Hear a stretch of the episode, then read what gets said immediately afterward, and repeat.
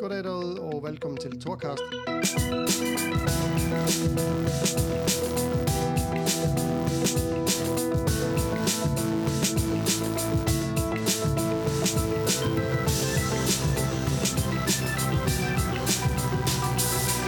Asbjørn, velkommen til Torcast. Tak skal du have. Vi har jo siddet og, og snakket en, en masse på vej hertil, ja. øh, og som altid, når, når, man, når man får gæster, som, som man ikke øh, har mødt før, så, så opstår der tit sådan nogle rigtig fede snakke om, om ting, inden man går i gang, og der bliver jeg altid sådan lidt ked af, sådan, åh, oh, man skulle næsten have haft sådan en, øh, en lille mobil optager med, eller et eller andet, for, for lige at kunne få det hele med. Ja. Men øhm, vi sidder jo sammen i dag, fordi at, øh, ja, vi fandt jo hinanden på Facebook. Vi kommer i, i en, øh, en, øh, en fælles gruppe derinde. Øhm, og jeg sådan, inden, inden vi dykker for meget ned i, ligesom det, der er hoved, øh, eller grunden til, at jeg skrev til dig, så, så kunne jeg godt sådan måske tænke mig at høre lidt, eller give lytterne sådan et billede af, øhm, hvad med du, og øh, hvad går du sådan og laver ting, som, som er værd at nævne, hvis man kan sige det sådan? Hvad er værd at nævne? øhm, jo, altså det som grunden til, at vi fandt hinanden, var jo fordi, jeg laver det her øh, far-søn arrangement, Ja, hvor jeg tager fædre ud i skoven sammen med deres sønner, og i virkeligheden laver sådan en, en slags konfirmation, eller i hvert fald en, et alternativ til konfirmation, eller et supplement til det, man kan kalde en konfirmation. Øh, hvor jeg lader fædrene på en eller anden vis, øh, det er sjovt, fordi jeg sad snart lige med en præst om det i går, så, så min, min måde at tale om det på, det er sådan meget den her med, det vi fik snakket om, det, det her med, jamen det som man gør ved en almindelig konfirmation, det er jo, at man konfirmerer over for Gud, at man tror på. Men det jeg gør, det er, at jeg lader fædrene konfirmere, at de elsker deres sønner. Jeg lader fædrene konfirmere, at de ser og anerkender de her værdier, som de her drenge har. Så det er, så jeg laver en konfirmation, men den konfirmation, som jeg laver, det er fars, eller mænds, fars og andre mænds konfirmation af de værdier, vi ser i den her unge mand. okay. Øhm, og det gør jeg så i det, øh, man kalder overgangsritualet, jeg kalder overgangsritualet.dk, øh, som i virkeligheden bare er, hvad det er. Det er et overgangsritual fra at være dreng til at være ung mand, øhm, hvor jeg over fire dage leder dem igennem sådan et, øhm, et forløb, hvor de får nogle indsigter i, hvad er det for nogle ting, som egentlig ikke tjener mig mere? Hvad er det, der ikke er godt for mig mere? Hvad er det for noget, som jeg egentlig synes er, ah, det er sgu måske i virkeligheden blevet for stort til at gå og gøre. Mm. Og så give dem mulighed for at efterlade det. Og så får de den her anerkendelse af de værdier, som vi som mænd ser i dem. Og det er så de her bærende værdier, som der er i dem. Og så får de en mulighed for også at kigge ind i, hvad er det for en slags mand, jeg gerne vil være? Hvad er det for en slags far? Hvad er det for en ung mand? Hvad er det for en retning, jeg vil gå med mit liv? Så hvad er det for nogle værdier, jeg skal opbygge? Mm.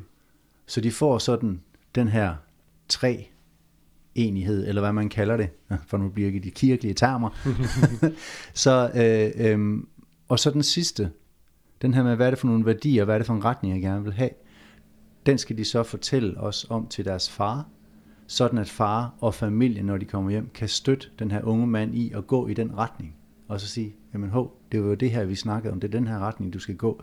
Og hvis du skal gå den her retning, så tænker jeg, eller så skal jeg støtte dig sådan og sådan og sådan, eller så kan jeg støtte dig sådan og sådan. Ja. Så det, jeg arbejder meget med, det er at også at få et sprog for nogle af de der ting, som er svære mellem far og søn. Og at de kommer til at kunne tale om, hvad er det egentlig, det er at være mand? Hvad er det, det er at være mig lige nu? Ja. Og altså, når jeg siger mand, så er det jo sådan en, så er jeg jo ikke ude i, at det er en fast definition. For mig så er, er, er mand er jo, er, er, hvad er det, du har det godt med lige nu? Altså det er mere sådan en meget personlig ting. Det er sådan en, jeg er lidt ligeglad, om du føler dig som mand eller som kvinde, men, men hvis du føler dig helt, hvis du føler, lige nu, der er jeg der, hvor jeg skal være. Ja. Og så er jeg ligeglad, om du kalder dig mand eller kvinde. Det er godt. Ja. Jamen, jeg tænker også, når man, altså hvis, hvis man lige skal ind på det der med, med det at være en mand, altså det er også forskelligt. Altså du er jo en anden mand, end jeg er for eksempel. Jeg kan godt blive træt af det nogle gange, når man læser specielt sådan noget på Facebook, hvor, hvor der bliver så snakket om, hvad er en rigtig mand egentlig.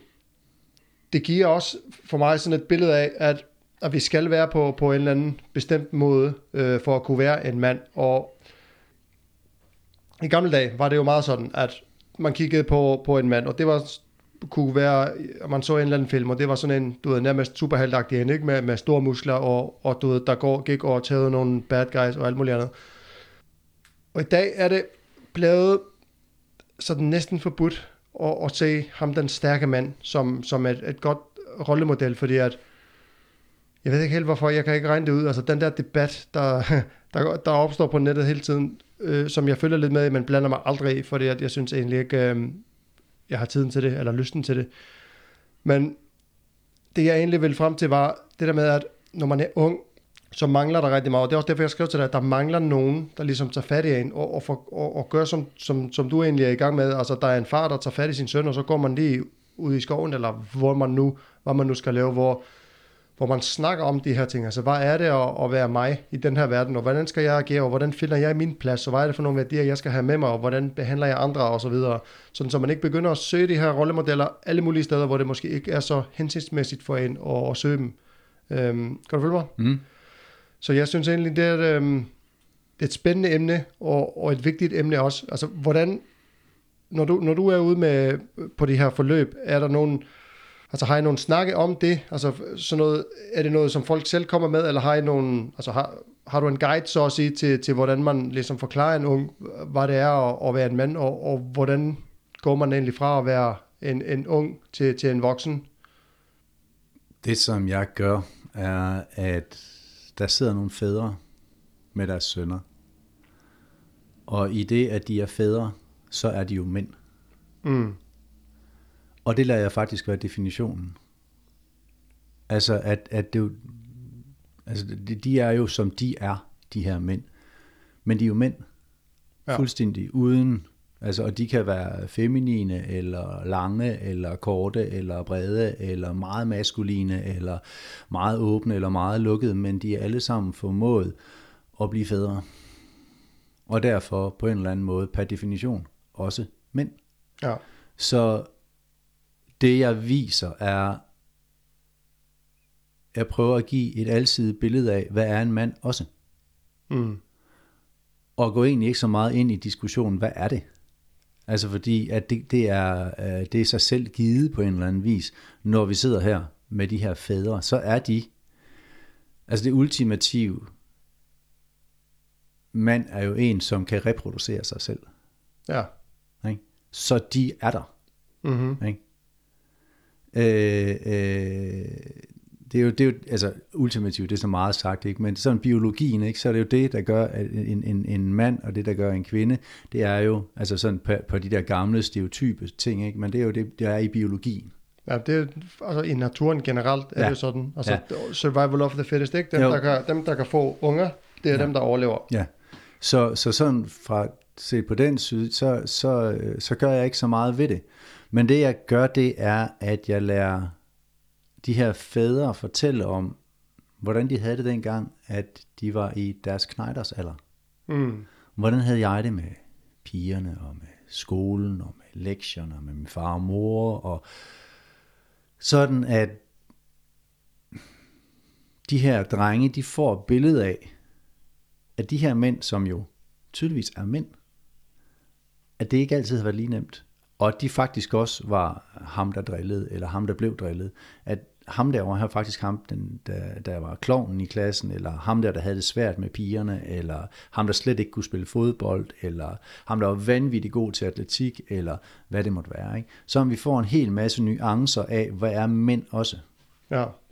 Jamen, det er også derfor, jeg sådan, vil sådan spørge dig lidt ind til det, fordi at jeg synes, det er dybt frustrerende, det der med, altså, og, og nu, er, nu er det faktisk et specifikt eksempel, jeg, jeg tænker på, men altså, jeg har en, en ven på Facebook, som, øh, som, som lægger nogle opslag ud en gang imellem, og, og kan godt lide sådan at tage debatten om ting, bare sådan at snakke om ting, og, og der kommer det rigtig tit op, det der med, at en rigtig mand er sådan her, og en rigtig mand er sådan her, og en rigtig mand er sådan her, og det er primært eller jeg ved ikke om det er primært, det er i hvert fald meget tit fra kvinder, og de har sådan et billede af, hvad en rigtig mand er. Og en gang imellem, der, der synes jeg, at nogle af de eksempler, der kommer, de, sådan, de kan være lidt skræmmende. Øh, og jeg er jo heldigvis blevet altså, mand nok, så at sige, til at vide, at jeg behøver ikke leve op til andres idealer. Altså jeg ved godt, at jeg klarer det okay i livet. Der er selvfølgelig altid plads til forbedring, men, men overordnet set, der er, altså, jeg går ved mine børn og, og min familie, og jeg gør det, jeg føler, at jeg skal. Ikke, øh, ikke nødvendigvis det, som andre synes, jeg skal, men, men det, der jeg føler er, er, er rigtigt, så at sige. Og jeg sådan nogle gange, eller tit faktisk, der, der kan jeg godt, jeg har jo ikke sønner, jeg har jo tre piger, men en gang imellem, der kan jeg godt blive sådan lidt bekymret over, hvad med det, der læser med, hvor de her øh, mennesker skriver, og, fordi er man 14, 15, 16 år, lad os bare sige det, og du er lidt usikker i dig selv, og du ved jo ikke rigtig noget om, om livet nu, og, og man er ved at finde sin identitet, og så læser man sådan nogle ting. Hvad er en rigtig mand? Og så kan man jo hurtigt blive påvirket af det. Og, og derfor synes jeg egentlig, det er meget vigtigt, at der er nogen, der... Altså, nogen har svært ved at snakke om, om de svære ting med, med, altså ikke bare nødvendigvis deres børn, men, men med mennesker generelt. Og jeg synes, det er sindssygt fedt, at der er sådan et, sådan et initiativ, som, som du har, der ligesom giver muligheden for, at okay, ved du hvad, her er nogle rammer, som vi ligesom, så jeg kan tage den her snak med min søn, så han ikke behøver at måske kigge for meget på ja, internettet, eller whatever det nu er, man, man går og kigger på for, for at finde, øh, finde nøglen til sin identitet, hvis man kan kalde det det. Mm. Øhm, men du arbejder også med nogle unge, snakker vi om før, eller har gjort det i hvert fald. Er det noget, du altid sådan har interesseret dig for? Og, altså unges udvikling og, og problematikker? Altså, hvis man sådan kigger på det, så har jeg jo, siden jeg var 10, været med i, og der startede jeg med at hjælpe ned til gymnastik i den lokale gymnastikforening. Mm. Øh, nogen, der var yngre end mig, og så har jeg været, øh, alle mulige måder har jeg været øh, øh, sådan medhjælper eller leder eller et eller andet af børn. Øh, øh, ja, siden jeg var 10 eller et eller andet, der ligner. Ja. Så det har altid været der. Øhm, og jeg har de sidste 25 år arbejdet med marginaliserede unge i alle mulige former. Øhm,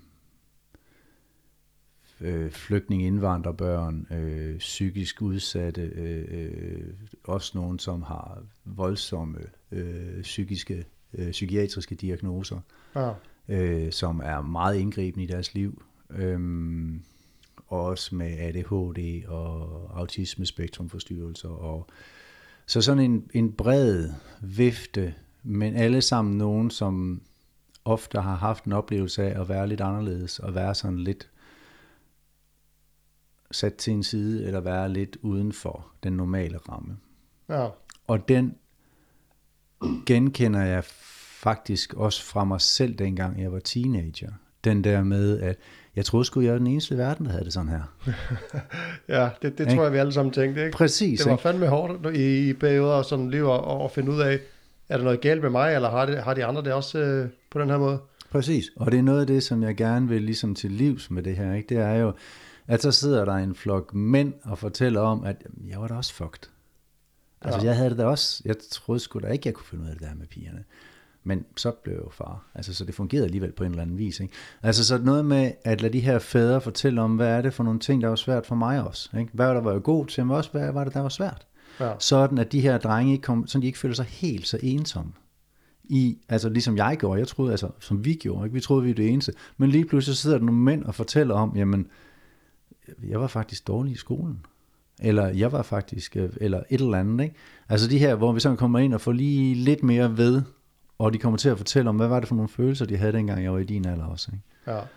Og den her ensomhedsfølelse, den har rigtig, rigtig mange af os haft.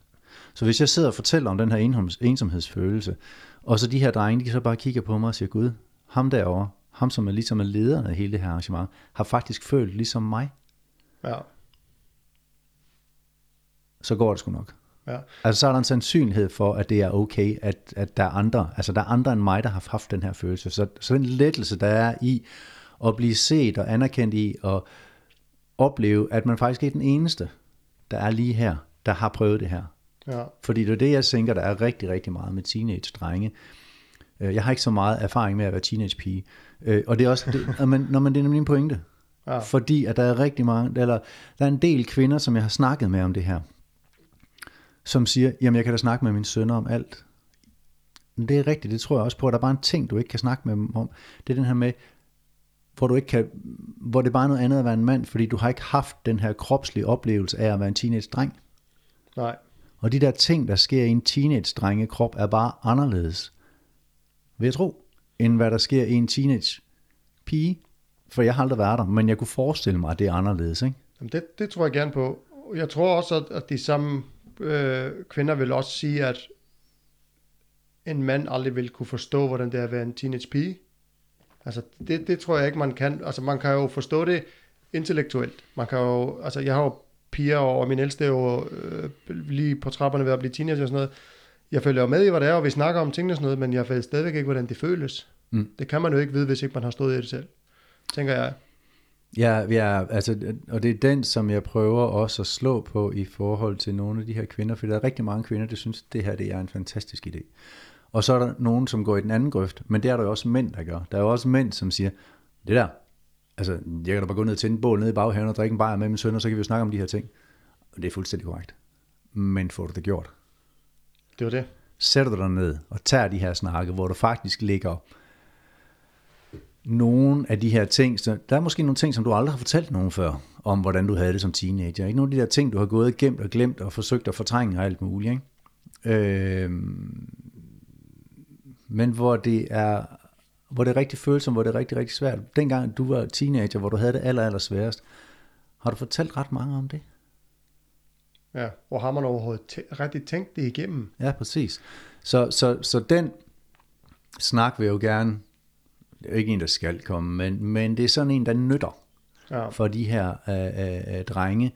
Fordi jo dybere vi som mænd tør gå i den her snak, når vi fortæller om os selv, jo mere får de her drenge ud af det, jo mere tør de også, og jo flere billeder får de på, hvad det også kan være. Ikke? Jamen, jeg tænker også, at det viser dem også, at det er okay at snakke om tingene. Præcis. Øhm. Øhm. Så de får også et sprog med deres far, og ikke kun med deres mor. For mange af dem har et sprog, undskyld, med deres mor omkring følelser, men der er ikke så mange af dem, der har sprog med deres far omkring følelser. Nej. Ja, og det er også bare anderledes at snakke med en, altså igen, ligesom dig, jeg kan jo kun snakke ud fra min erfaring som, som en, en, en dreng og en mand. Jeg ved, har jo aldrig været en, en kvinde. Men det er bare anderledes at snakke med en mand om, hvis man skal kalde det i gåsøjne mandeproblematikker. Øh, og det vil det jo altid være. Altså jeg går ikke, kvinder kan være rigtig gode at snakke med. Jeg har også øh, øh, haft en, øh, jeg har haft nogle veninder og sådan noget, som jeg har snakket om mange ting med.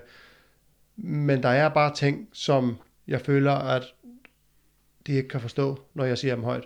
Og jeg tror også, det der i forbindelse med det der med, at, at du siger, at der er jo, der er jo både kvinder og mænd, der, der ligesom tænker, at, at det her, det, det kan jeg jo godt klare selv nede i baghaven. Man skal ikke undervurdere rammerne, øh, og det at sidde sammen med andre, der også snakker om de samme ting, og deler ligesom rummet, hvis man kan sige det sådan, selvom det er udenfor, fordi det gør alligevel bare, at det sætter gang i nogle tanker, og det minder en om nogle ting, som man måske lidt havde glemt, eller pakket væk, eller et eller andet, som man så kan komme med med. Man kan hurtigt blive inspireret af dem, man sidder sammen med, øh, mm. ligesom for, for at, at åbne lidt mere op, og tage måske den snak, man synes egentlig var for svær, men nu er der også andre, der også er i gang med den, så kan man, så det kan jeg egentlig godt alligevel. Øhm, jeg har også prøvet det at sidde i, i en, øhm, ja, en setting, hvor der ligesom var en masse mennesker, der, der, der delte alle mulige ting. Og det satte altså virkelig gang i tankerne hos mig, og, og bare, bare det at sidde og høre de andre, det giver også utrolig meget. Altså ikke bare for, tænker jeg, for, for, for de knægte, der kommer til det der arrangement, men også til mændene. Fordi det er jo ikke sikkert, at man altid har, øh, hvad skal man sige, det er ikke sikkert, at man rigtig har tænkt tilbage, hvordan var det nu egentlig at være ung. Så jeg tror, at, øh, jeg tror egentlig, det, jeg har tit tænkt på det, når jeg har set de der opslag på Facebook, at jeg vil næsten ønske, at jeg havde en søn, så jeg kunne komme med. men, øh, men der er jo ikke rigtig noget far-datter arrangement endnu. Øh, det kan være, det kommer. Det er noget, jeg arbejder på. Er det det? Ja, faktisk. Og det kunne være fedt. Fordi at jeg synes jo, at jeg skal lige helt finde ud af, hvordan det er, jeg skal vinkle det. Men, men pigerne er jo også... Jeg tænker nogle gange på de der stakkels tøser, ikke? Som, øh, øh, som er 13, 14, 15 år, ikke? Så står og kigger over på de der drenge, ikke? som bare opfører sig så akavet. Ikke? Og det er bare sådan... Jeg tror, det vil være rigtig, rigtig sundt for dem at få en fornemmelse af, jamen, hvordan var det at være, altså far, hvordan var det at være teenage-knægt? Ja. Ikke? Hvorfor er det, at de der drenge, de opfører sig så sært?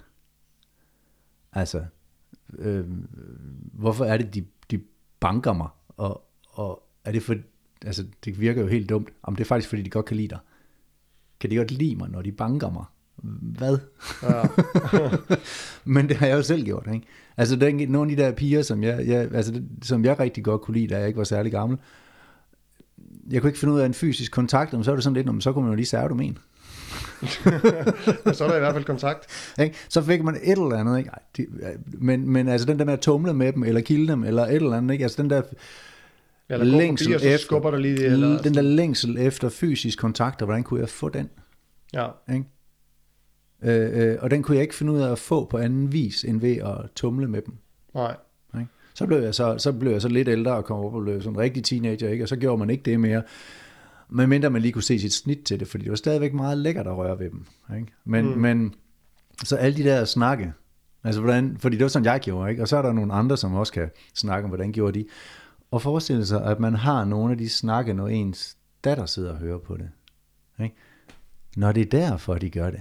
Nå, okay. Mm, okay, mm. men så giver det jo mening. Måske skal jeg bare sige til dem, prøv at- skal vi ikke bare holde i hånd i stedet for? Eller et eller andet, hvad ved jeg ikke. Jeg ved ikke, hvor nemt det er i dag. Nej. Altså, det var det måske, jeg ved det ikke. Men, men den der med, det giver i hvert fald et perspektiv for de her piger også. Hvad er det, hvad er det der sker over i drengene?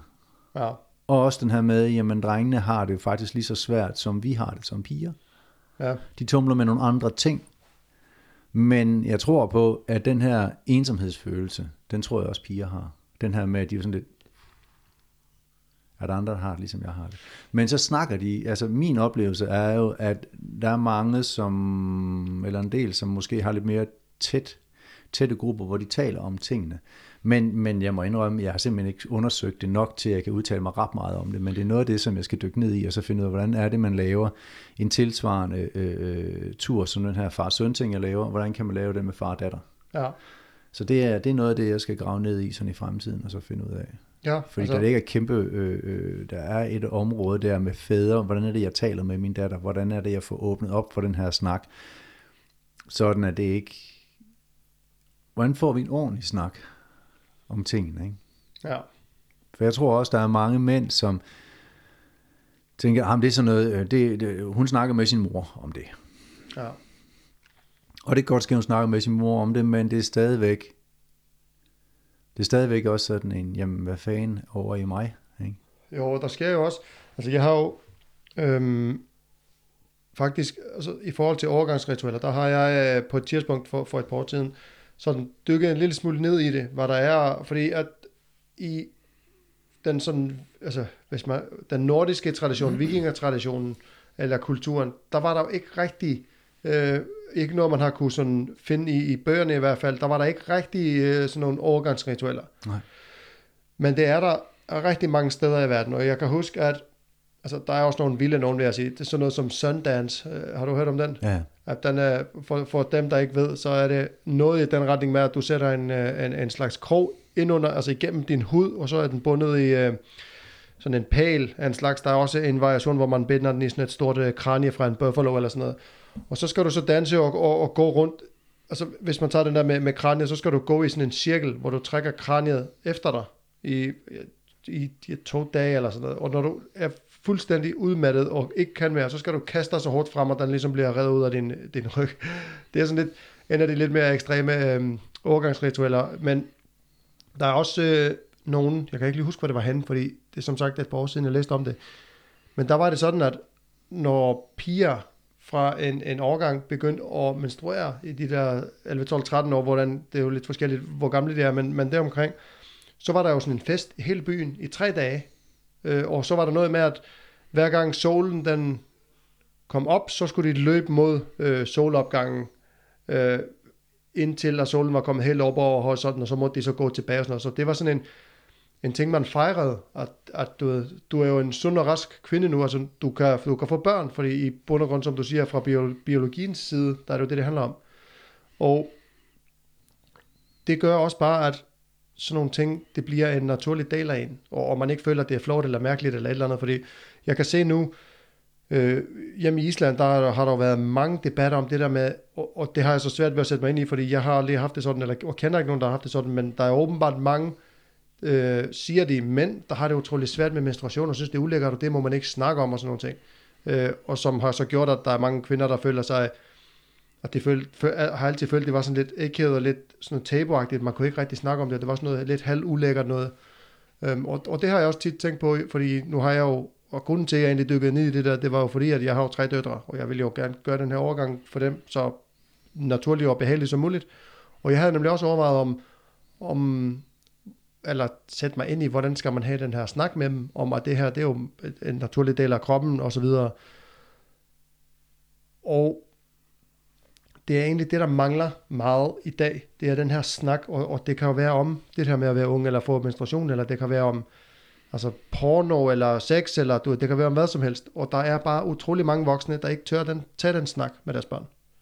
Øh, er det noget, du oplever? Altså bliver du, hører du fra nogen, der ligesom måske søger lidt råd i forhold til, altså hvordan skal man lige det her, fordi der er jo ikke alle, der, har, der er lige åbne og har det lige nemt ved at, at snakke om det, og mange er måske sådan lidt lukket, hvis man kan, hvis man kan sige det sådan, og ikke rigtig tør til, til at snakke op. Er det noget, du hører sådan fra, fra folk? Det er jo sådan svært at snakke, ikke? Øhm, fordi at vi som forældre ofte har sådan en dårlig samvittighed, ikke? Sådan mere eller mindre permanent dårlig samvittighed over, at vi ikke gør det godt nok. Ja. Altså vi kan altid gøre det bedre, ikke? Og så er det bare sådan, åh, fik jeg nu heller ikke, fik jeg nu heller ikke. Ej, fik jeg ikke lige øh, den her med i madpakken, et eller andet. Ikke? Der er sådan en, en lille dårlig samvittighed, som hele tiden ligger. Og den skal man simpelthen passe så meget på, ikke at træde i.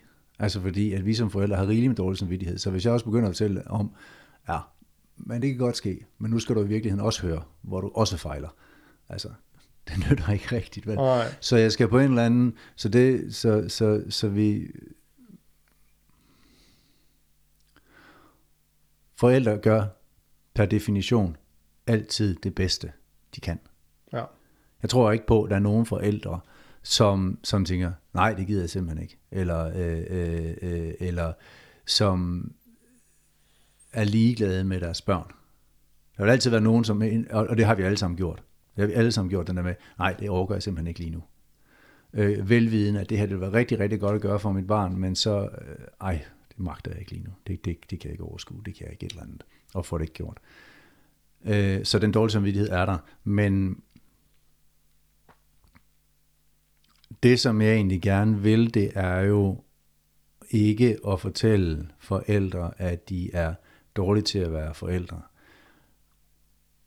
Jeg vil gerne hjælpe dem til at få et sprog, sådan de kan blive komme til at snakke med deres børn bedre, men også for, at de flytter sig selv på en eller anden vis. Ikke? Fordi at når de kommer til at tale om de her ting, så er der altså også, som du selv sagde, det du oplevede, det var, at der var noget, der lettede i dig.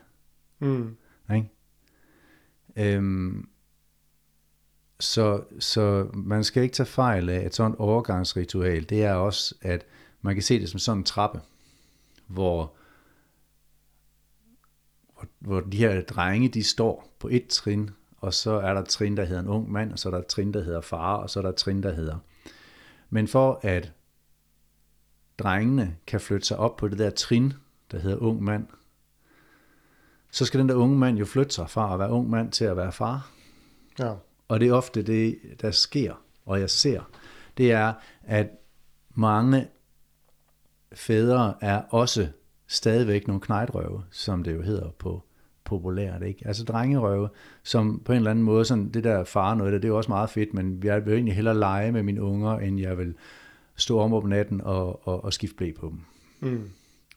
Der lavede, jeg har skrevet en bachelor på øh, øh, det her overgangsritual, øh, hvor jeg var inde og undersøge, hvad er, det for, hvad, er det, hvad er det for nogle ting, mænd gør?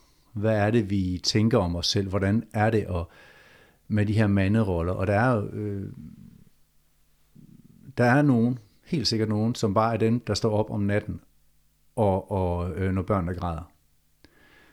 Men der er også, og det er faktisk overvejende en del, som gør, som, som siger, men det, det gør konen derhjemme. Mm. Så der er stadigvæk sådan nogle ting i, hvad er det for, hvem er det, der yder omsorg? Ja. Og jeg havde det selv med min egen gamle far her. Han har lige fået opereret hoften, og har fået en kunstig hofte. Og så skulle jeg, så skulle jeg sådan give ham lidt omsorg på det, ikke? Og så siger min kæreste, du, du giver omsorg som en kvinde. Og så kigger jeg sådan. Øh. Og så slår det bare ned i mig. Det er da klart. Jeg har aldrig lært at give omsorg fra min far. Nej, det er fordi det, du har lært, det din mor gjorde. Ja. Ja. Så, så jeg har altid givet omsorg som, på den måde, som jeg har lært det, og det har jeg lært af min mor.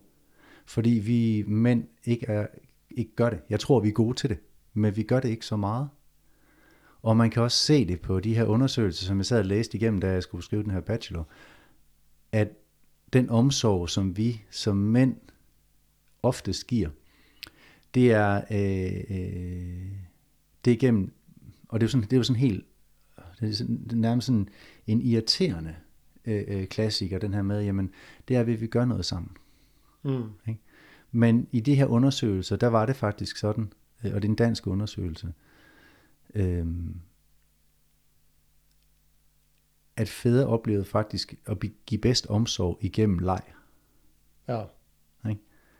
Og de kunne også trøste, ja ja, men, men, men de synes faktisk, at den bedste omsorg, den blev givet igennem leg. Og det synes jeg, der er et eller andet, og jeg kan ikke finde ud af, om det er biologi, eller det er fordi, at kvinderne har et større omsorgsgen, eller det er fordi, at sådan er det i vores kultur. Så vi har frasagt os det omsorgsgen. Og det ja. tror jeg egentlig mere på, fordi jeg tror på, at hvis man pludselig står der som alene far, så giver man den omsorg, så er den der. Så kan man godt. Så jeg tror, det er en kulturbåret ting, og jeg tænker, at mm, måske er det også på tide at ændre lidt i det. Sådan at fædrene, mændene, også bliver omsorgsgiver. Sådan vi som mænd også bliver bedre til at give hinanden omsorg. Ikke? For det er også noget, det jeg gerne vil med det her. Det er jo også, jeg vil give de her unge mænd anerkendelse fra far, så er de fri for at gå ud og få den her anerkendelse fra steder, som ikke er hensigtsmæssige. Ja. Altså jeg fik jo anerkendelse fra en, der var på min egen alder. Øh, spændet rundt på alle de høje tage, alle de høje huse i Aarhus. Der forsøgte vi at komme op på dem alle sammen. Øh, øh, og når vi kom derop, så kunne jeg kigge på ham, og så kunne jeg se, hey mand, vi er fede. Men det er jo en uhensigtsmæssig anerkendelse. Det er jo en uhensigtsmæssig ting at få anerkendelse på. Ja. Så jeg vil egentlig gerne, hvis vi kan give vores unge mennesker en anerkendelse på, altså fra far, sådan at de er fri for at skal søge den her anerkendelse fra far, når de nu kommer ud og skal være direktører eller håndværkere, eller, altså, så behøver jeg ikke at være bedre end far, fordi han har sagt, at jeg er god nok. Ja. Plus at de får et billede af, at mænd er meget, meget forskellige, men kan være gode nok. Og det vil sige, at der er en større sandsynlighed, håber jeg på, at de kan indgå i et mere emotionelt modent samarbejde eller arbejde med andre mænd, sådan at de andre mænd ikke er en konkurrent, men en, man arbejder sammen med. Ja. Fordi det er et af mine mål, det er nemlig den her med, at få de her knejder til at vokse op og blive, eller hjælpe dem til at blive emotionelt aldersvarende, sådan de ikke, og det er det igen tilbage til den der med stigen, så far er nødt til at flytte sig og blive en, en far, sådan der er plads til, at drengen bliver en ung mand. Ja, så der ikke lige pludselig står to unge mænd sammen og ikke rigtig... øh, Præcis. Ja. Ikke? Og jeg synes at se, at vi har rigeligt med unge mænd, som ikke er steget op og blevet, fået den der far-mand øh, ansvarsfølelse. Mm. Men som stadigvæk render rundt, og det gjorde jeg også, altså til jeg var 35, 45, et eller andet, ikke? Altså hvor jeg stadigvæk havde den her øh, øh, ansvar, det synes jeg altså var besværligt. Og det tror jeg, det er, der, det er der mange mænd, der kender, men den her med, jamen, hvad sker der, hvis vi har nogle, nogle ledere øh, øh, i vores samfund, som ikke, som ikke er emotionelt modne. Så tager de nogle beslutninger, uden, uden omtanke for, hvad sker der med andre mennesker med min beslutning. Det kan ja. godt ske, at det giver gode bundlinjer øh, på økonomien, men hvad betyder det egentlig for de medmennesker, jeg har sammen? Det, hvad, hvad betyder det for de medmennesker, det her det, det øh, øh, har indflydelse på? Ja. Ikke? Og jeg kunne godt tænke mig, at få den her få mænd til at kunne mærke lidt mere, hvad er det egentlig, jeg gør? Hvilken indflydelse har det? Altså, at de bliver, mærker deres følelser, og, og de får en dybere eftertanke omkring, hvad er det, der sker omkring mig? Og det er noget af det, jeg tænker, der sker i det her overgangsritual, jeg laver, det er jo, at de får en dybere indsigt i sig selv, de her drenge, og de får en dybere indsigt i, hvad er det at være mand?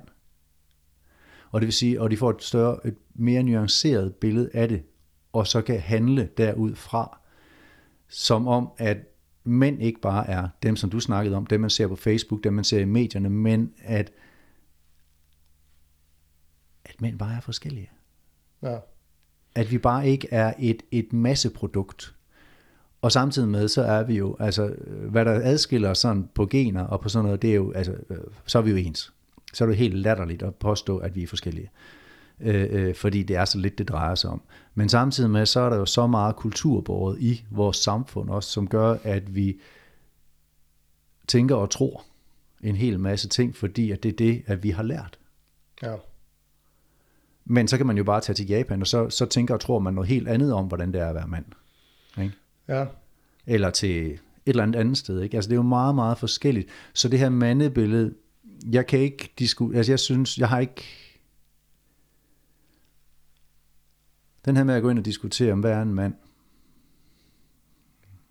Vi kan sagtens tage en snak om, hvordan er en mand i Danmark, måske i Nordeuropa, måske i, men hvis du kigger på, på jordens befolkning, altså så, er det, altså så er det jo bare endnu mere. Og hvem er det så, der siger, at jeg kan definere, hvad en mand er, eller hvad en mand ikke er, eller, altså det er så kulturbordet, så, så Jamen, der er også meget mange i dag, der gerne vil have, at, at, at det skal defineres på, på deres måde. Ikke? Øhm, og jeg tror ikke igen, at, at der findes en, en definition af en mand. Altså, den vil altid være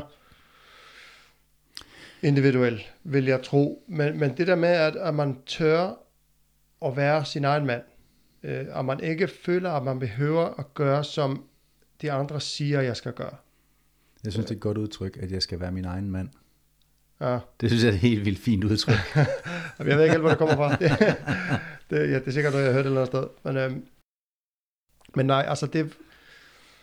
Hmm, hvis man skal tage udgangspunkt i sig selv. Altså, jeg havde jo... Jeg var jo 21, når jeg fik min første datter. Øh, og på ingen måde en voksen øh, på det tidspunkt. Jeg var musiker, og der var fest torsdag, fredag, lørdag og koncerter.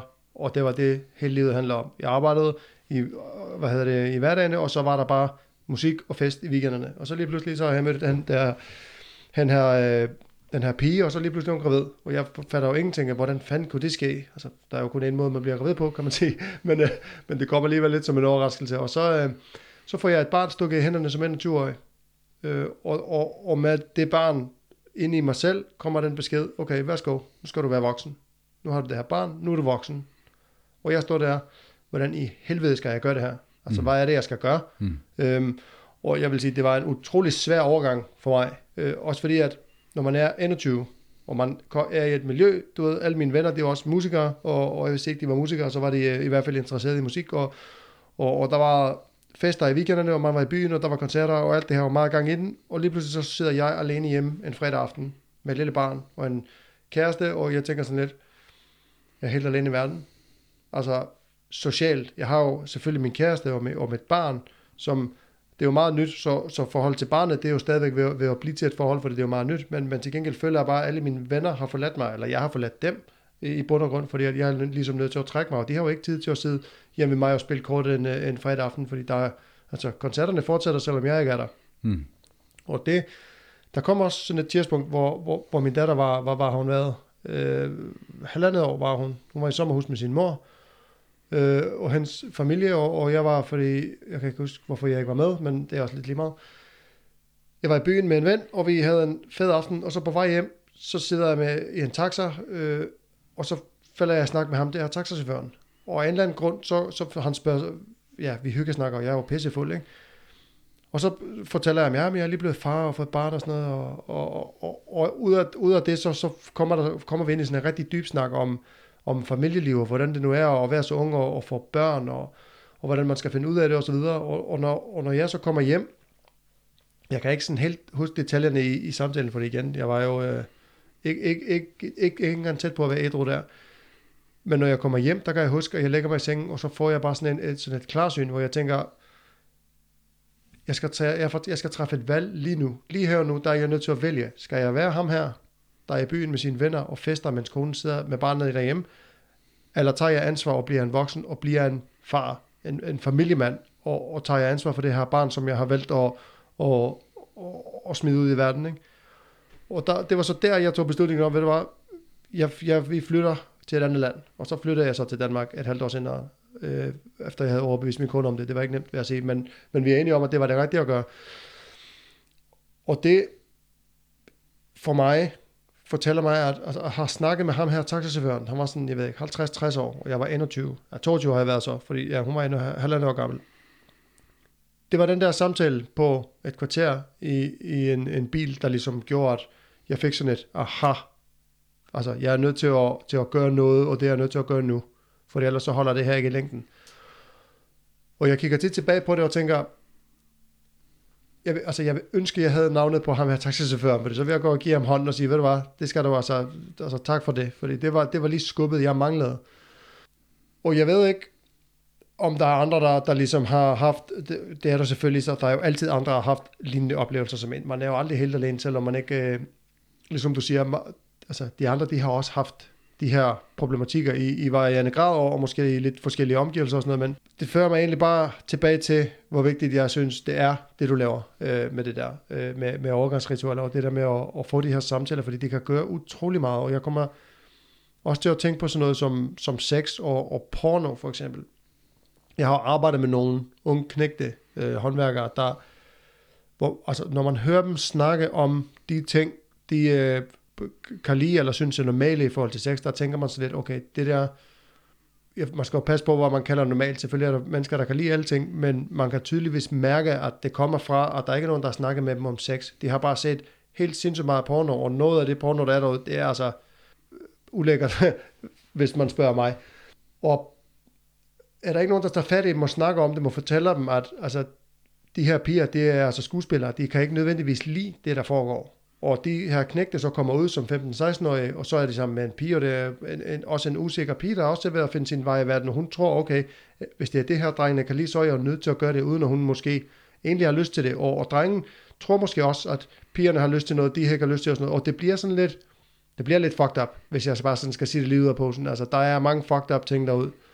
Og det ærger mig lidt, og, og nu kommer jeg til at stjæle lidt fra, fra en af mine yndlingspodcaster, som, som har sagt det her, og der burde næsten være sådan et kursus, hvor der kommer en mand ud, og så kommer der fædre med deres sønner, og så viser man dem nogle clips fra nogle porno, og så forklarer man, det her, det er skuespil. Mm. Altså, jeg tvivler på, at der er en, en, mange 16-årige piger derude, der godt kan lide at have sådan en 25 meters pik op i en tør røv. Mm. Altså, for, for at bare sige det, som det er. Mm. Det tror jeg ikke, der er. Mm.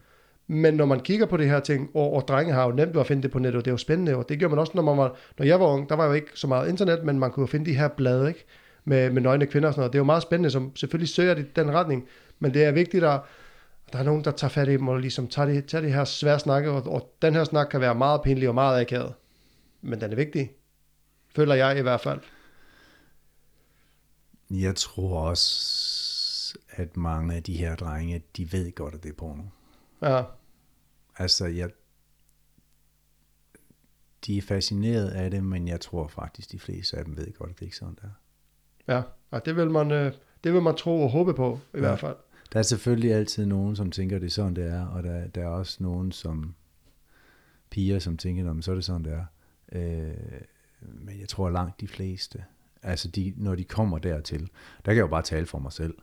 Altså, jeg var jo vanvittigt usikker på, hvad jeg skulle. Altså, jeg havde også læst pornobladet, men jeg var da stadigvæk vanvittigt usikker på, hvordan det hele skulle foregå. Mm. Ikke? Øhm, det var jeg også, vil jeg sige. Ja. Det var så, det var man havde prøvet før. før. Øh, så det, jeg tror, at, man, at den usikkerhed, altså medmindre man har drukket sig fuld, ikke? og det var, jeg havde fået lidt at drikke, men jeg var ikke fuld. Men, men jeg havde drukket mig lidt mod til. Mm. Ikke? Øhm, der hvor det kan gå galt, tænker jeg, det er, hvis man er spritstiv. Altså så kan man jo komme Men det, det er jo der, man kan komme galt afsted med langt det meste. Ikke? Ja. Men jeg tror, at hvis du tager en snak med en 15-årig dreng, så ved han godt, at det der, det er porno, at, at det nok ikke er helt sådan, det foregår alligevel. Ja. Altså, ma- altså, jeg tror måske, hvis du snakker med nogle 13-årige, så, så kan det godt ske, at de tror, det er sådan. Men, men når de bliver lidt ældre og begynder sådan at mærke deres egen krop, og hvad er det, der sker i deres egen krop, så sker der noget andet. Men der er ingen tvivl om, at den her pornofisering og den lette adgang til porno jo også gør noget. Jo, der er også forskel på porno, vil jeg så lige sige. Altså, der findes jo porno, der er sådan forholdsvis normalt, øh, hvor man kunne sige, at det er bare to mennesker, der har sex, ikke? Og så er der så øh, andet, der ikke er så... Øh, det, det, er lidt, det er lidt mere ekstremt, og altså, der findes jo også uh, de mest vanvittige ting på, på nettet, kan man sige. Men altså, 15 år, tror jeg måske, du har ret i, de ved det nok. Altså, dem jeg har i tankerne, Altså det er jo, det, det er jo knægtet omkring måske 20 år, som jeg arbejder med. Og, og når man bare sådan hører dem snakke om de ting, de gør, og, og sådan, ja, det lød i hvert fald, det har, jeg har, det har mange gange sat gang i rigtig mange tanker hos mig, hvor jeg tænker, jeg håber fandme ikke, at mine piger møder sådan en gut der. Men er det noget, som de har gjort, eller er det noget, de snakker om, at de gør? Det er noget, som, øh, ja, det, det er jo det, det ved man jo ikke, vel? Nej, altså fordi jeg tror da godt, at man kunne finde på at lige skrue lidt på den, ikke? Altså, jo, jo, helt sikkert.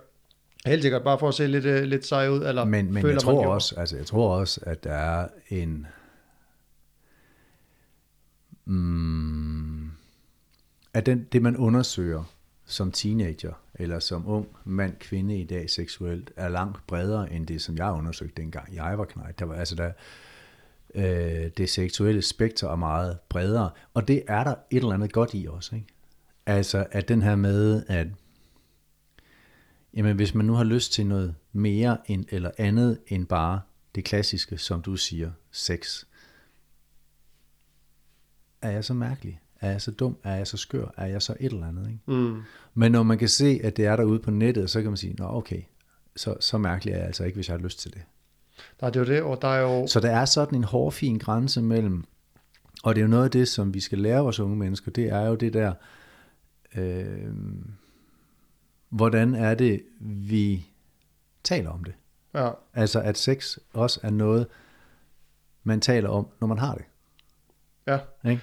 Altså, Ja, ja, lige præcis, fordi der er også en, som du siger, der er en grænse mellem fantasi og så virkelighed, altså der kan jo, man kan jo fantasere om mange ting, øh, og så når man så kan, måske går med til at, at føre det ud i virkeligheden, så finder man hurtigt ud af, okay, det der, det føles faktisk ikke særlig godt, det er ikke noget, jeg har lyst til, og, mm. og der er det igen det der med, at, som du siger, kommunikation, når man så siger, ved du hvad, det her, det er ikke det, er ikke det jeg troede, det var, det, Mm. nu, nu er jeg nødt til at lige bakke ud, Ja. og det er så okay, frem for at man bare sådan siger, okay, nu har jeg faktisk sagt ja til det, så nu må jeg nok hellere bare bide mig i armen, og så, øh, Ja. og så bare køre videre, ikke? Ja. Øhm, og, og jeg bliver ved med at sige, at jeg tror, næsten alle verdens problemer, de bunder i mangel på eller i dårlig kommunikation. Altså hvis man bare kunne finde ud af at snakke med hinanden ordentligt, og ikke bare snakke for at have ret, men for at høre det andet menneskes synspunkt, eller følelser, eller tanker omkring situationer, så vil man altså kunne komme rigtig, rigtig mange problematikker til livs. Og det kan man se på nettet. Man kan se, og nu gider jeg egentlig ikke øh, snakke for meget om, om, om Amerika eller USA, fordi at det er et land, jeg er træt af at høre om. Men hvis du kigger på deres debat her, øh, præsident, i præsidentvalget der, altså det er dårlig kommunikation, så det ved noget. Og det er jo det, vi ser alle steder på nettet, på Facebook. Altså, hvis bare der er nogen, der ikke er enige, så er man lige pludselig automatisk uvenner, og så skal man jo gå efter hinanden helst sådan personligt. Ikke? Så det er det i hvert fald mange, mange, det er det i hvert fald mange, der gør. Og jeg tror, at hvis man vil lære børn, helt fra de er unge, at kommunikere ordentligt og, og vise vejen, og ligesom, ligesom faren, der sidder med, med, med sønnen, og viser vejen, altså jeg kan godt, jeg tør godt åbne op og fortælle dig de her ting. Fordi børn, de gør ikke så meget, som der bliver sagt, de gør det, de ser. mm. Øh, sådan et flot citat, ikke? Men, så jeg tror, at ja, kommunikation, det er nok, eller mangel på samme, det kan godt skabe øh, mange usikkerheder og mange problemer fremadrettet. Men nu når du snakker om, altså jeg vil ikke selv, nej, men det der med præsidentvalget, ikke? Mm. Øh, øh, og så snak om emotionelt aldersvarende. ja. ja. Øhm, så jeg tænker jo, at et er at være god til sin kommunikation, men noget andet er også at så have den her emotionelt aldersvarende, så at man faktisk kan kommunikere om sine følelser, og ikke bare reagere på sine følelser. Mm. Altså sådan, at man ikke bliver sur, men faktisk formår at sige, nu bliver jeg sur. Ikke? Altså, og det er noget af det, som, som ved at snakke om de her ting, som er svære med far, øh, øh eller far fortæller om de her ting, der har været svære, eller har været gode, eller har været altså store oplevelser. Ikke? Mm. Så kommer der et sprog for store oplevelser. Og det vil sige, at man også får lov til at mærke de her store oplevelser, og det bliver en, oh, men det er okay, at man kan være vældig glad, eller man kan være vældig ked af det, man kan være vældig lykkelig, man kan være et eller andet. Ikke? Så den her, at vi på en eller anden måde hjælper vores unge mennesker til at, at kan være i deres følelser. Ja. Ikke? Fordi det er noget af det, som jeg har set øh, på, på, når jeg har arbejdet med de her marginaliserede unge. Det er noget af det, som har været svært for mange af dem. Det er at være i store følelser. Øh, og overhovedet mærke sig selv. Jeg synes også at se det i nogle af de ting, som... Altså der er en voldsom stigning øh, af unge, som søger, eller som bliver indlagt på øh, psykiatrisk hospital. Og for mig så er rigtig, rigtig meget af det, det er, det er jo et symptom på et eller andet. Hvorfor er der pludselig en stigning mm. af, af unge mennesker, som skal, skal ind på øh, have en psykiatrisk sengeplads? Og så kan man sige, jamen det er fordi, at vi er blevet bedre og bedre til at screene dem, og så finde dem, der har øh, øh, psykiatriske diagnoser. Men samtidig med, så er det også så er det også blevet mere og mere almindeligt at selvskade, for eksempel. Der er lavet undersøgelser på det, og så vidt jeg husker, så er det to ud, at to i hver øh, øh, gymnasieklasse, som selvskader på en eller anden vis. Okay. Og det lyder alligevel vildt. Ja, og nu sidder jeg også og bliver sådan helt, sidder jeg nu og, og, og kommer med fake news, men det mener jeg, jeg har læst. Ikke? Altså, øhm, det er ret almindeligt at selvskade, det er ret almindeligt at, at skære i sig selv for at følelsesregulere. Mm. Der er også mange, som, fordi det er blevet en mulighed, så er der også nogen, der tjekker det, for at lige se, virker det her? Så skal det lige lidt. Ej, det gjorde, bare, det gjorde egentlig ondt, så det har jeg ikke lyst til. Nå, okay, men nu har jeg prøvet det. Ja. Øh, øhm, det handler bare om at finde sådan et outlet for sine følelser, tænker jeg. Og det er præcis det, det drejer sig om. Fordi, som jeg tænker det i hvert fald, så er det fordi, at du ikke har lært at håndtere dem. Ja. Du har ikke lært os selv at kan rumme dem. Ja. Så hvis du ikke selv kan rumme dine følelser, så prøver du jo at finde ud af, hvordan er det så, jeg kan rumme dem. Og der kan der være mere eller mindre hensigtsmæssige måder at så håndtere dem på. Ikke? Altså man kan gå uden for at råbe, øh, øh, øh, man kan gå ud og spille fodbold, man kan øh, gå ned og løfte jern, man kan, øh, altså med vrede. Ikke? Ja. Gå til noget kampsport eller... Et eller andet, ja. eller man kan øh, vende indad. Ja. Det er der også nogen, der gør, ikke? som bliver introverte, og så bare siger, at jeg er også bare dum og dårlig. Og jeg er jo også en idiot til gengæld, så er jeg også grim. Ja. Ikke? Så, så der er sådan en, hvordan er det, vi håndterer vores følelser, og det er også noget af det, som jeg ser på mit arbejde. Det er, den her følelseshåndtering er jo sindssygt besværlig for de her unge mennesker. Jeg kan da også huske det, da jeg selv var teenager, det var jo, øh, jeg var jo eksplosiv i mine følelser. Ikke? De mm. kom jo bare så, uh, så var jeg rasende. Ikke? Ja. Og den her med at lige så stille lære, at ja ja, du blevet vred, men det, det er en følelse. Ja. Følelsen slår ikke nogen ihjel. Nej, det gør den ikke. Nej. Altså, så, så, så den her med at så, så hjælpe øh, øh, øh, de her unge mennesker til at forstå, at følelser er der, og de er okay. Og nu kan, du se de her, nu kan du se de her mænd, som er glimrende mænd, men de har også været vrede. De har også været kede De har også haft alle de her følelser. Og det er okay. Ja. Ikke? Så, så den der anerkendelse af, at følelser også er okay for mænd, også store følelser, er også noget af det, som jeg gerne vil give med i det her. Det er jo, at de er der, og de kan være svære at håndtere, men det er ikke følelserne, der slår nogen ihjel. Nej. Det er de handlinger, man gør i sine følelser. Ja. Jeg læste et uh, citat for, for mange år siden fra, jeg tror det var Gandhi eller sådan noget, der sagde det, og, og det var sådan noget, nu siger jeg det, altså ikke helt overret, men det var noget i takt med, at hvis du vil redde verden, så tager du alle 8-årige børn øh, i verden og lærer dem meditation. Mm. Og så dermed lærer dem deres følelser at kende. Ikke? Mm. Fordi det var også en, altså jeg var, jeg var lidt ligesom, som du beskriver, øh, når jeg var ung, altså meget eksplosiv. Altså der, jeg kunne gå fra at være super glad til super vred, til super ked af det, til super vred igen, og så til super glad på ingen tid. Jeg kunne slet ikke sådan regulere det på nogen måde. Det var bare, når følelsen kom, så var jeg bare fanget i den. Mm. Og det var først, når jeg sådan begyndte at, altså jeg så sådan et TED-talk på et eller andet tidspunkt, øh, hvor, hvor der blev snakket om meditation, og, og det var jo altid sådan noget, du ved, lidt mærkeligt noget, tænkte jeg, meditation, det var bare sådan noget, du ved, så skulle man være buddhist eller eller andet. Og så var der en, der hed Andy Puttekom, han har lavet sådan en app, der hedder Headspace, som havde ligesom gjort det på menneskesprog, og han forklarede meget basalt om, at det her, der, altså, du kan altså regulere øh, stressniveauet, øh, hvad hedder det, stresshormonproduktionen i, i kroppen, og lidt forskellige ting ved at meditere, og det kan man måle på, og, og du behøver ikke sidde på gulvet med, med krydsede ben, du kan bare sidde på en stol, og bare du sidder med en ret ryg, så du ikke falder i søvn og sådan noget. Og så begyndte jeg at meditere, og, og, der lærte jeg så det der med, det der koncept om, at altså, følelser, det kommer jo og går, og det handler ikke om at kæmpe imod dem, så de ikke kommer, og det handler heller ikke om at blive fanget i dem, øh, men bare at lade dem være, og bare sådan lige, der var sådan et god, øh, godt billede, jeg, jeg fik engang, hvor det var sådan, at når du mærker en følelse, så bare sæt sådan et klistermærke på den. Vrede. Du, du skal ikke sige, jeg er vred, eller det der er vred. Du skal bare, der, der er en følelse, så ender kan okay. Følelse, vrede, eller følelse, trist, eller følelse, glad. Og på den måde, det er sådan, at du har, det er sådan sjovt, som, som hovedet egentlig virker, at det er sådan, at du har anerkendt sådan en følelse, okay, den er der, så mister hovedet lidt interessen i det. Så er det som Mm. om, at den sådan forsvinder lidt af sig selv. Mm. Øh, hvor hvis man begynder at kæmpe imod noget, så, så er det lidt som om, at det trykker bare endnu mere på. Mm. Øhm, så det har jeg også forsøgt at, at lære mine børn lidt. Altså ikke fordi jeg, jeg siger til dem, de skal sætte sig ned og meditere, men vi laver sådan nogle, jeg laver sådan nogle afspændinger med dem om aftenen. Og, og min midterste vil faktisk meget gerne have inde på mit lille værelse, vi sidder på her. Sådan et lille yogaværelse. Så sidder vi nogle gange og mediterer sammen. Øh, så sætter jeg sådan en, øh, sådan en guided meditation på, så er der en, der snakker også igennem. Mm. Øh, du ved, sådan kropsscanninger og sådan noget, ikke?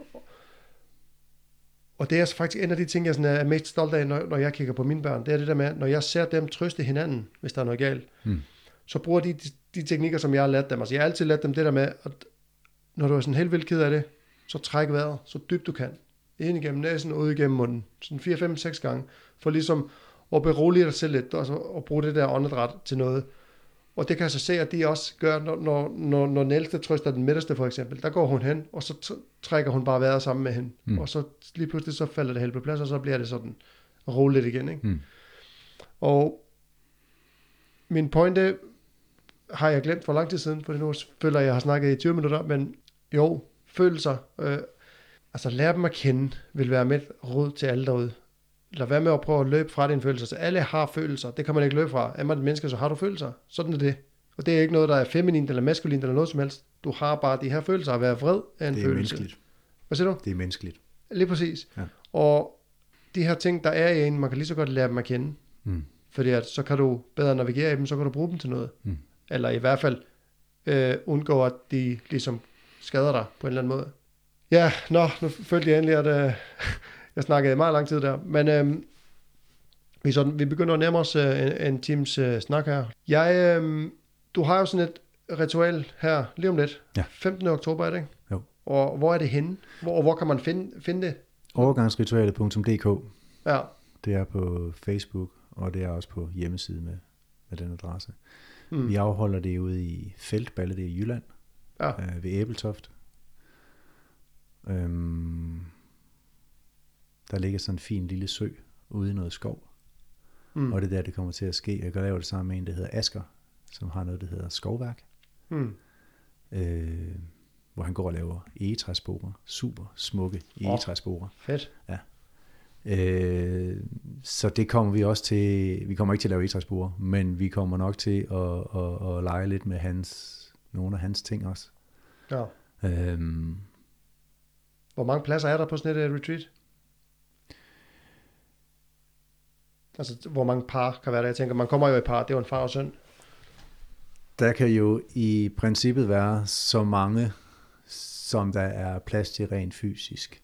Mm. Øh, øh, så er det bare et spørgsmål om at have hjælpere nok.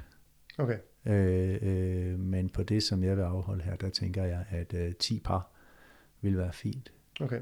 Der er vi ikke helt endnu, men jeg krydser fingre for, at der, der kommer flere med. Ja. Og, og det er ikke første gang, du gør det? Nej, Nej. jeg har lavet det øh, to gange før, med, øh, hvor det har været fædre og sønner, og så har jeg så også været med til at lave det to gange, hvor det faktisk har været voksne mænd, som vi har ført igennem det her ritual. Okay. Alright, så ja, det lyder egentlig som en god ting, Ja. at, at man også kan som voksen, hvis man føler, at man lige har brug for at, at afslutte den her overgang. Fordi som du også siger, der er jo mange, øh, hvad skal man sige, voksne knægte øh, derude, Ja. der måske ikke lige har fået øh, den rigtige vejledning, eller, Ja, eller, eller, eller hvad man nu skal kalde det. Ikke? Altså ja. nogen, der er blevet man-child, som min gode ven Jordan Peterson øh, kender, plejer at kalde det. ja. Jamen det er jo lige præcis det der, jeg snakker om, det der, den der stige der, ikke? Ja. Og hvis de ikke, de her mænd ikke er steget op og er gået fra at være unge mænd, altså, hvis de, altså så bliver det jo man-child, som han siger, ikke? Ja. Altså det kan jo godt være 35 år i unge mænd, som Ja. opfører sig stadigvæk som om, at de var 18 eller 21, ikke? Ja. Og det er, øhm, det er sjældent så charmerende. Ja, det er det. Det, det må man sige. Er der noget øhm, andet, du sådan har med, du tænker, du lige vil, vil nævne ud til folk, nogle projekter eller et eller andet, øh, du sådan har gang i, eller har planer om, og, om at lave? Altså ikke andet end, at øh, jeg laver det her overgangsritual, og jeg prøver at få et sparket i gang også med, hvor jeg tager fædre og deres døtre med. Ja, Øhm, fordi det er der efterspørgsel på. Øh, jeg skal i tænkeboks med det, og så snakke med nogle folk om det, som har gjort det. Øh, øh, men det bliver det næste projekt, der kommer til at, at løbe af stablen. ja, Eller det næste projekt, jeg sætter i søen, fordi det her øh, overgangsritual for, for fædre og sønner er, kommer til at køre. Altså det bliver bare en fast ting, som jeg laver. ja, øh, øh, og jo mere efterspørgsel der bliver på det, jo oftere kommer jeg til at lave det. okay. Øhm, jeg havde en snak med øh, en præst om, hvordan er det, man kan gøre. Kan man på nogen måde arbejde med kirken omkring det her? Altså sådan, at de i deres almindelige konfirmation gør det mere social, altså sådan, at det giver mere øh, mening ind i det, der kommer efter konfirmationen. Sådan, at det bærer igennem på en eller anden vis. Sådan, at der kommer en ændring i, hvordan er det, vi er i vores relation. Altså det ikke kun handler om at, at ligesom sige, at jeg tror på Gud, men at der faktisk er noget, der handler om at gå fra barn til voksen. Præcis. Ja. Øhm, og øh, det er et langt, langt træk, men, men den vej går jeg også. Og så har jeg, skal jeg have snakket med nogle skoler om, hvad er det, kan vi gøre et eller andet sammen her? Altså så jeg arbejder sådan på, på flere forskellige fronter. Øh, et er, at jeg gerne vil tage unge mænd og deres fædre ud, men kan vi også, kan jeg også på en eller anden måde gøre det samme i andre sammenhænge? Fordi for mig er det ikke, øh, øh, giver det ikke mening at bare lave det med, med de her fædre, øh, øh, som jeg nu lige kan ramme med en eller anden bestemt annonceringsteknik, eller ved at sidde og snakke med folk. Det er også lige så meget at komme ud og så få det her bredt ud. Jamen, hvor er det, kan vi, kan vi gøre det lidt mere almindeligt, at vi kommer til at snakke, at fædre og sønner kommer til at snakke om de her ting. Sådan at det er noget, der måske kommer til at være en almindelig ting i skolen, når man går til præst, når man et eller andet, altså alle mulige steder, fordi at drenge laver deres egen overgangsritualer, uanset hvad. Vi går ud og søger den her spænding, vi går ud og søger den her anerkendelse fra kammerater eller et eller andet. Mm. Det gør vi under alle omstændigheder, og det er nogle gange ikke helt så hensigtsmæssigt. Så hvordan er det, at vi kan bygge det, hvordan kan man på en eller anden måde få det til at være en del af, at det så, man gør? Altså at man gør det, øh, som Arne Rubinstein, som har lært mig det, han kalder det, how do we make rite of passage mainstream? Ja, Ikke? Hvordan er det, vi gør det helt almindeligt? At det er noget, vi gør.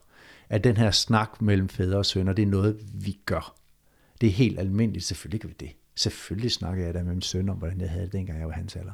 Hvad tænker du? Altså den der selvfølgelighed i, at, at vi bringer os selv på banen og, og, og, og hjælper og støtter vores unge mænd til at blive emotionelt modne. Ja, unge vi, mænd. vi kommunikerer med dem. Ja. Ja. Så det er det, det, der er mit mål, det er jo at, at få nogle emotionelt modne unge mænd, som kan være voksne, når jeg bliver gammel. Ja, lige præcis. Nej, fordi jeg synes, at der, der er et eller andet vigtighed i det, at det ikke er de der, hvad du kalder dem, man, man child. Man. Man-child. Altså dem har vi rigeligt af. Ja, der er rigtig mange af dem, vil jeg sige. Og det er øhm, ikke nødvendigvis deres skyld, men det er aldrig for sent at tage ansvar for sig selv. Nej. Det er det ikke. Mm. Jeg har øhm, et afsluttende spørgsmål, jeg stiller alle mine, mine gæster. Mm. Øhm, og nu ved jeg ikke sådan lige, hvor gammel du er, men, men jeg, jeg skyder bare. Øhm, hvis du med al den viden og erfaring, du har i dag, kunne give dig selv som 25-årig et råd, hvad vil du så, så sige til dig selv? Jeg tror, at... Øh... Ja, hvad fanden vil jeg sige? Altså, jeg tror, at de fleste 25-årige, de gør det så godt, som de kan. Øhm, og jeg tror, de langt de fleste 25-årige, de kan godt have svært ved at høre, når en gammel mand, øh, en taxachauffør på Island, øh, Mhm. siger et eller andet, medmindre de er klar. Ja, Øh, og du var klar, altså selvom du var spritstiv den aften. Ikke? Så det er meget, meget svært at kan sige et eller andet, men jeg tror, at noget, noget af det, som jeg vil gå med, det er... Jeg havde på det tidspunkt, der havde jeg en ret stærk intuition, som jeg sådan på en eller anden måde fik lukket ned for. ja, Øhm, så hvis jeg skulle give sådan, nu skulle give mig selv et råd, så er det vel med at holde nu øje med den der. Altså tro nu på din intuition. Den er god nok. Altså Ja. gå med det. ja. Go with your gut feeling, så at sige. Ja, Ja, det tror jeg, man kunne have godt af at, at lære. Det tog mig også lang tid at... og så også den her med, at og så tror jeg også, det kunne være rigtig, rigtig sundt for mig dengang at trække vejret. Ja, Altså simpelthen den der med lige, som du siger, du, du lærer dine unger, og det synes jeg er helt vildt sejt, den der med lige sådan fem dybe vejrtrækninger, ikke? Så man lige kommer til at mærke, okay, hvor er det egentlig, jeg er henne lige nu? ja det giver overblik Ja, ja, på, fordi på at, ingen tid. mm, jeg havde travlt med alt muligt. Altså jeg skulle være så smart på det tidspunkt. Altså jeg var, øh, øhm, ja, det, var, det drejede så meget om at, at give et lækkert billede af mig. Ja, Ikke? At jeg skulle fandme være ham, der, der havde styr på, og jeg skulle, og jeg skulle, og jeg skulle. Ikke? Det var sådan lidt, gå nu med din godt feeling og træk vejret. Ja. Altså, og, og den der med, at du er sgu, i bund og grund okay, som du er. Ikke? Og det er jo den, som jeg også giver videre i det her, det er den der anerkendelse. Så er måske i virkeligheden, så er den, altså præcis det, som jeg vil lave på det her øh, overgangsritual. Det er det, jeg også ville have gjort til ham der, den 25-årige Asbjørn. Det ville jeg have sagt. Hey, jeg sætter kæmpe pris på det her, det her og det her ved dig. De der værdier, du har, dem skal du bare holde ved. Den der anerkendelse fra en voksen, ja, det er nok i virkeligheden det, som jeg ville have sagt. Jeg ville have sagt til ham, prøv at du har nogle vanvittigt gode idéer, og de kommer hurtigt. Mærk efter, hvad for nogle det er, der fungerer, og gå med dem, og hold på, for de er gode nok. det er god at slutte på, synes jeg. Mm. Uh, Asbjørn, jeg siger tusind tak for, for snakken. Det var, det var hyggeligt, og vi kom jo slet ikke uh, rundt, om, eller rundt til at snakke lidt om Motorhead og Lemmy og sådan noget. Men uh, det ville jeg egentlig have gjort. Vi fandt ja. Ud af lige før vi gik i gang, at uh, vi begge to kan lide Motorhead, og, og Asbjørn har jo set dem live. Uh, jeg kan nu kan jeg ikke hu- huske, hvornår Orgasmetron kom ud, men, men det var der omkring, hvor jeg enten ikke var født, eller var et par år gammel. Så, uh, så det er egentlig meget sjovt at tænke på. Men øh, jeg er derude, overgangsritualet.dk, og ellers så er det bare på YouTube og, og lytte til noget med Motorhead. Tak for i dag. Og lige over. Música